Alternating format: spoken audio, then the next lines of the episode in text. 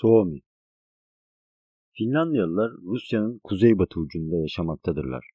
Finlandiya'nın batısında komşusu İsveç vardır. Finlandiyalılar 1811'e kadar İsveç'in hakimiyeti altında yaşadılar.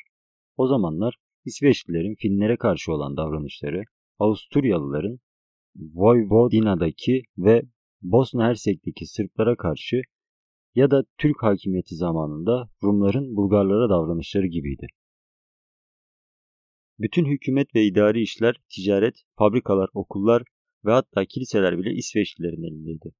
Bütün idareciler, hakimler, subaylar, papazlar ve öğretmenler hep İsveçliler arasından seçiliyordu. İsveçliler kendilerini medeniyetçe Finlilerden yüksek gördüklerinden Finlandiyalıları ikinci sınıf bir ırk olarak kabul edip ona göre muamelede bulunuyorlardı. Finliler her ne kadar kağıt üzerinde İsveçlilerle aynı siyasi haklara sahip olsalar da entelektüel, ekonomik ve manevi olarak geri bırakılmışlardır. Bu durum Finlerin kültürel açıdan ilerlemesine ve gelişmesine engel olmuştur. 18. yüzyılın sonlarına ve 1840'lara kadar Fin kültürü havasız bir mahzeninde yetişen bir çiçek gibi zayıf ve soluktu. O zamanlar Finler biraz okuma yazmadan başka bir şey bilmiyorlardı. 1808'de Rus çarı 1. Alexander Rusya ile İsveç arasındaki savaş sırasında Finlandiya'nın yarısını eline geçirdi ve ülkenin her tarafından halk temsilcilerini Borgo'da bir araya toplayarak onlara şunu sordu. Bundan sonra da İsveçlilerin idaresi altında mı kalmak istersiniz yoksa kendi idareniz altında Finlerin eskiden sahip olduğu hakların aynen muhafaza edilmesi koşuluyla Ruslarla birleşmek mi istersiniz? Finlerin temsilcileri Rusya'ya katılmayı kabul ettiler.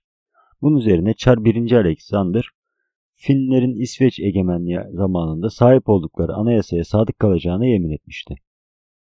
Finlandiya'nın Rusya'ya katılması her iki taraf için de faydalı olmuştu. Çünkü Finlandiya yoksul bir ülkeydi.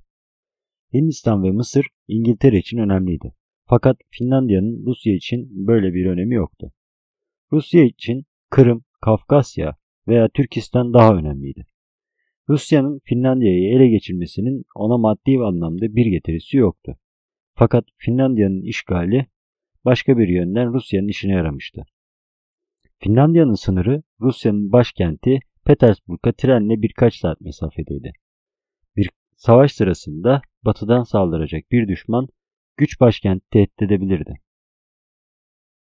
Fakat Finlandiya'nın Ruslar tarafından işgali başkent için adeta tampon bölge yaratmıştı.